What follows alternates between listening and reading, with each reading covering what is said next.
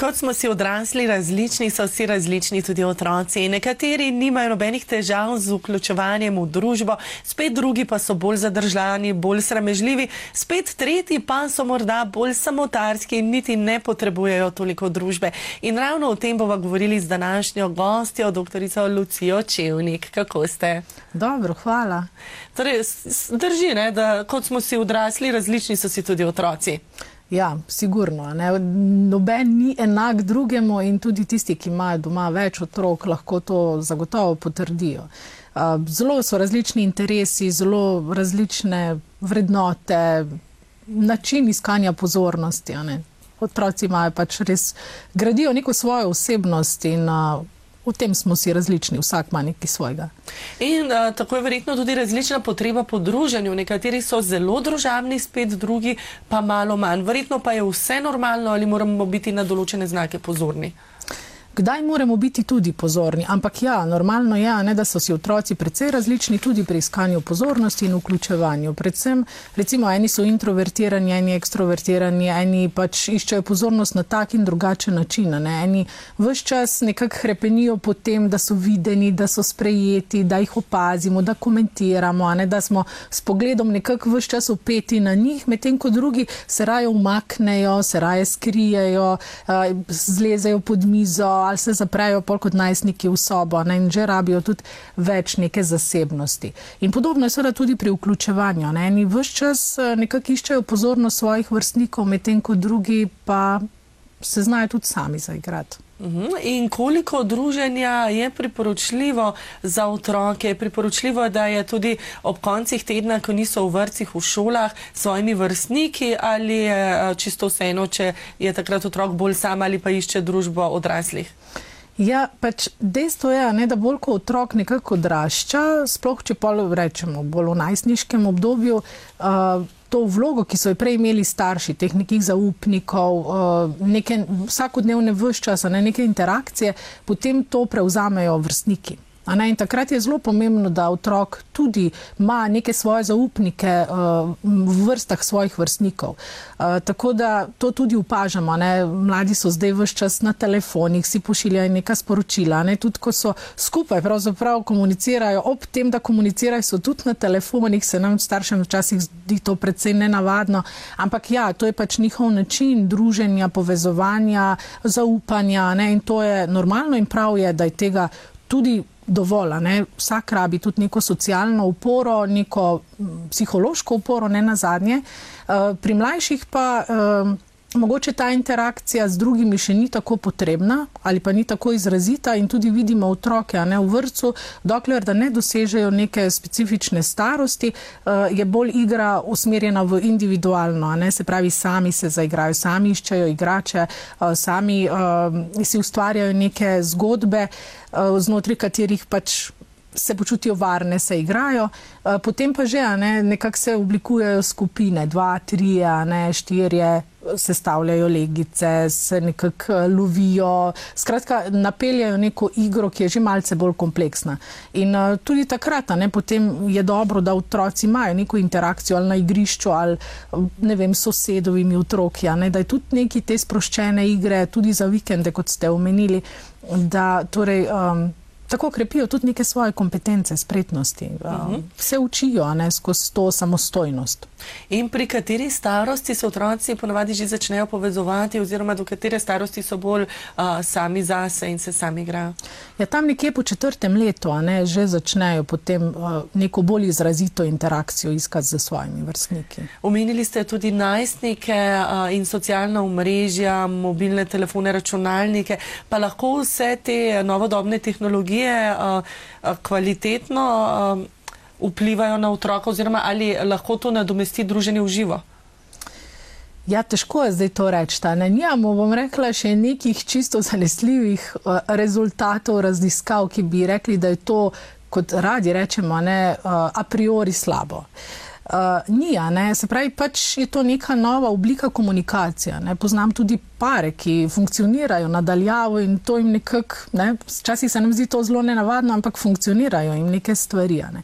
In tudi otroci, ki so se rodili v ta svet, z, kjer že internet obstaja, ne, sploh generacija Z, je to njim nek čisto vsakdanji način funkcioniranja, komuniciranja, druženja. Um, mogoče imamo mi tudi tu malce preveč pomislekov, ampak uh, ja, seveda, nek pristni stik je res težko nadomestiti, ampak uh, ni pa uh, že vnaprej nekako mogoče obsojati ta uh, virtualni svet kot uh, zelo slab ali pa um, da ne zadovolji naše, našega stika uh, z drugimi. Uh, tudi ta socialna mreža je zelo pomembna, ne sploh zdaj smo videli v času korone, da je omogočala vsaj neko vrsto povezovanja, druženja. Ne? Mladi pač ja, ob tem, ne, ko se družijo, so ob enem tudi na, elektro, na ekranih, uh, uporabljajo to elektroniko in to je pač svet, ki, ki je in je tu na uporabo in oni pač to teorijo s prakso koristijo. Torej, tehnologija in svet gre naprej in se je treba temu tudi prilagoditi. Živimo v tako imenovanem postkoronskem času. Kako pa je korona vplivala na nezmožnost povezovanja in vključevanja otrok? Ja, načeloma slabo. Zaradi tega, ker res eh, so bili tisti, ki zelo hitro in zelo, bom rekla, nenaravno pretrgani. Uh, otroci niso šli v šolo, ni bilo nobenega povezovanja in res, hvala Bogu, ne, za elektroniko v tem času. Uh, Po drugi strani je pa treba izpostaviti tudi to, da pa tisti otroci, ki so recimo zelo introvertirani, jim je to ta čas bil zelo pisan na kožo. Ne? Se pravi, ti otroci, ki nimajo radi toliko neke interakcije z drugimi, ki se raje omaknejo v nek svoje okolje, v nek svoj prostor, so v tem času zelo dobro funkcionirali. Res pa je, ne, da so imeli pa bistveno večje težave, ko se je bilo treba vrniti nazaj ne, se pravi, spet nekako zaživeti v, v realnosti. Um, takrat pa je bil ta, ta korak, ne, vrniti se nazaj v skupino, uh, še toliko težji. Uhum. Ja, starši pa smo pogosto krat zaskrbljeni, kadar se naši otroci niso sposobni vključiti v družbo in jim želimo pomagati. Najprej me zanima, kdaj je sploh potrebno pomagati. Ja, mm, bom mogoče najprej izpostavila ta negativni vidik, ne, da starši zelo pogosto iz muhe naredimo slona. Ne. Recimo, ne vem, otrok ni povabljen na neko zabavo, resno dnevno zabavo in mi iz tega naredimo cel halo. Ne. Ali pa se otroci sprejo med sabo in otrok doma toži, da, ga, da, da se ne more vključevati, da ga, da, da ga prijatelji ne sprejemajo. Ne. In to je včasih res samo muha enodnevnica. In, uh, tako kot so se prejšnji dan sprli, bojo naslednji dan spet prijatelji in bolj, ko mi tu interveniramo ali pa mi iš, iščemo neke rešitve, kličemo starše, otroka, ki ni povabil našega na rojstni dan in podobne drame, ne v bistvu s tem samo škodimo otroku. Ne svet je vendarle oglat in včasih pač pridemo tudi do kakšne uvire, ki jo mora otrok tudi znati prestati, pre, prenesti, uh, se nekako izogniti. In veliko krat, mislim, najpogosteje se zgodi, da se to nekako zgliha no? in uh, da normalno stvari tečejo naprej. Uh, je pa lahko to tudi. Včasih dramatično v tem smislu, da pa se res pojavlja kako medvrstniško nasilje. Ne? Da otrok je uh, šikaniran, da je izpostavljen nekim uh, pritiskom vrstnikov, ampak se to takrat pokaže, bom rekla. Uh, bistveno bolj izrazito, a ne se pravi, da se začne otrok eh, spreminjati, da se začne zapirati vase, da uh, če je bil prej recimo družaben, da enostavno uh, ne želi več komunicirati z drugimi, da se zapira v sobo, da je razdražljiv in da to stanje traja, ne, da traja recimo 14 dni v kosu, ne, da ni nihan, takrat je pa res potem uh, potrebno intervenirati, pot, je bojazen za neko skrpa, ne, da se z otrokom nekaj dogaja in je seveda pomoč odraslega uh, nujna. In na kakšen način lahko otroku pomagamo? Ja, otroku, ki se recimo težko vključuje, lahko pomagamo na različne načine. Ne? Predvsem je pomembno, da starši najprej z otrokom skomuniciramo, kaj je sploh tisto, kar predstavlja problem. Zakaj, kaj je, zakaj otrok recimo noče pristopiti uh, v ki gre recimo nekih otrok na igrišču, česa se boji. A ga je strah neke zavrnitve, a ga je strah, da se mu bodo posmehovali, ali ima ta nek občutek manj vrednosti, um, neko negativno samo podobo, uh, da on ne zmore, da ne zna. Ne? In mu nekako pomagamo uh, s tem, ko vemo, kaj je tisto, kar ga bremeni, mu, mu pomagamo iti čez to uviro. Potem, recimo, pomagamo mu lahko tudi na tak način, da smo do njega, bom rekla, um, potrp, da smo z njim potrpežljivi, ne, da mu sicer pomagamo da, pri tem vključevanju, ampak da mu pustimo možnost, da je to vključevanje zelo počasno, ne, da pustimo, da on opazuje skupino, da se počasi približuje in da ga za vsak tak korak tudi ustrezno nagradimo, s tem, da ga pohvalimo. Ne. Se pravi, recimo otrok gre na rojstno dnevno zabavo in tam zelo on počasi vstopa v, v te odnose. Ali pa vedno stoji nekako ob strani. Ampak recimo vidimo pa kako, a ne stopi pa si vzame pijačo ali pa ne vem, ko spice ali karkoli in rečemo, a ne, uh, wow, a ne, si pa to zelo pogumno naredil, a ne, sem res ponosna na tebe. Um, skratka, da ne preveč ga silimo v neke situacije, ki so mu zelo nelagodne. Ne? Sploh, če se sebe spomnimo, da moramo iti na nek seminar ali pa uh, vstopiti v nek prostor, kjer res nikogar ne poznamo, ne? kako nelagodno se počutimo in kako bistveno lažje nam je, če je tam nekdo, ki ga poznamo. In je mogoče včasih tudi dobro, da otroku nekako da ga pripravimo na ta prostor, da ima mogoče nekoga, da se lahko na nekoga upre v tej skupini ali da se, ne vem, učiteljico ali vodijo ali nekega trenerja športnega, ne, odvisno za kako skupino gre, uh, že prej malce spozna. Ne, se pravi, da, da ima ta nek občutek varnosti, zaupanja, ko vstopi v to skupino. Se pravi, neke, da, mu, da ustvarimo neko prijateljstvo, ne, uh, uh, ki, ki mu nudi neko uporo v vključevanju v skupino. Uh, potem pa je pomembno tudi to, da, um, da, da vendarle malce potisnemo otroka. Ne, da ne za vsak, ne tudi mi, ker stopimo nazaj. Včasih ga moramo tudi malo siliti, bom rekla. Ne, ampak do te mere, da če pa pride do tega, da otrok ne vem, joče, da tarna, da ga boli trebušček, ne, kar je zelo pogosto, ker noče iti na neke vaje, noče iti v neko skupino, potem pa je to tudi, ne, da, da stopimo nazaj, pa da nekako zopet vzpostavimo neko varno območje, varno okolje. Um, Imamo pa starši tudi sami sabo pogosto problem, ravno zaradi tega, ker vidimo, da ostali otroci se takoj vključijo, so samozavestni, ekstrovertirani in enostavno vidimo, da starši nimajo nobenih problemov s svojimi otroki. In to pogosto pa razumemo, da z našim pa je nekaj narobe, ne? pa zakaj moj tak, pa zakaj noče. Ne? In potem silimo in smo včasih zelo neprijetni uh, sebi in drugim, ne sploh pa otroku, ko se noče vključevati.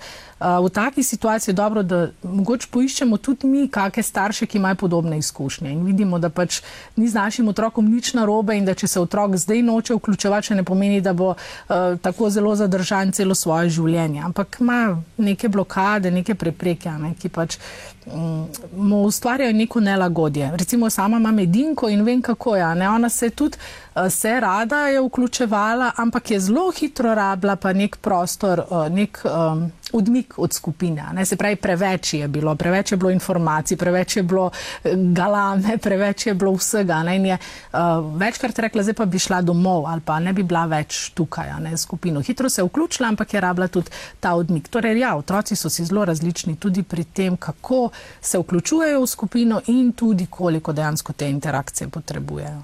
Ja, dobro ste omenili starše in naše reakcije. Kaj pa recimo, ko gremo na igrišče, se otroci igrajo v peskovniku in želi naš otrok zraven in potem pride in reče otroci stran, nočemo, da se igra z nami. Potem pa kak starš odreagija, gre tja, boste se igrali z njim, pejdi zraven, ti kar pejdi, ali bolje, da mu rečemo, lej se pa pojdi igrati na kaj drugega, pa se bo že kasneje tukaj. Kako v tem primeru odreagiramo, ko seveda uh, hočemo zaščititi svojega otroka? Ja, pogosto je najbolje, da enostavno nekako opazujemo situacijo. Ne. Se otroci hitro najdejo zopet ta stik ali pa se znajo tudi postaviti sami zase. Zdaj, če mi vedno interveniramo, ne, potem uh, otrok to razume, da bo vedno nekdo, ki ga bo zaščitil, vedno bo nekdo tam, da bo uh, se odzval na mesto njega. Ne da nekako tudi pustimo, ne, ni to dobena dramatična situacija, ne predvidevam, da ste imeli v mislih res mlajše otroke, ampak ja, hitro, ne, ta nek mogoč, ta, ta prvi odboj, ne, hitro spet pripelje do nekih povezovalnih uh, situacij, kjer se otrok potem zlahka vključi in ga tudi malo pustimo, da vidimo, kako bo samo odreagiral. Ne. Uh -huh. um, so, da, ne govorimo zdaj o nekem nasilju ali pa ampak predvsem bolj to, kako ga vključiti, kako naj se vključi, oziroma kako naj bo vključen tudi strani neke skupine. Verjetno pa je na drugi strani tudi pomembno, kako vzgajamo svoje otroke, da naj bodo prijazni do drugih, da naj bodo odprti za druženje, da naj sprejmejo ostale otroke mice. Ja, absolutno. Ne. Otrok je pogosto, bom rekla, zrcalo svojih staršev, simptom svojih staršev in to, kar se dogaja v njegovi glavi in to, kako on funkcionira na vzven, je pogosto tudi odraz tega, kaj se dogaja v družini in kako starši ne, ustvarjajo neke odnose, se povezujejo z drugimi. In seveda, če ga mi spodbujamo k temu, da je prijazen, da je povezovalen, da uh, si vsak zasluži uh, priložnost, ne, da ga spoznamo, da se z njim podružimo brez nekih predsotkov in stereotipov, potem bo tudi otrok seveda razvijal take vrednote. Uh, mogoče še kakšni praktični nasveti za otroke, ki imajo težave z vključevanjem? Um, ja, predvsem to, ne, da jim damo nek čas, uh, da jim damo neko priložnost, da nek, z nekim svojim tempom uh, uh, se poskušajo vključiti v neko skupino, ne? da ne pritiskamo preveč. Malce ja, ampak ne, ne pa preveč. Ne?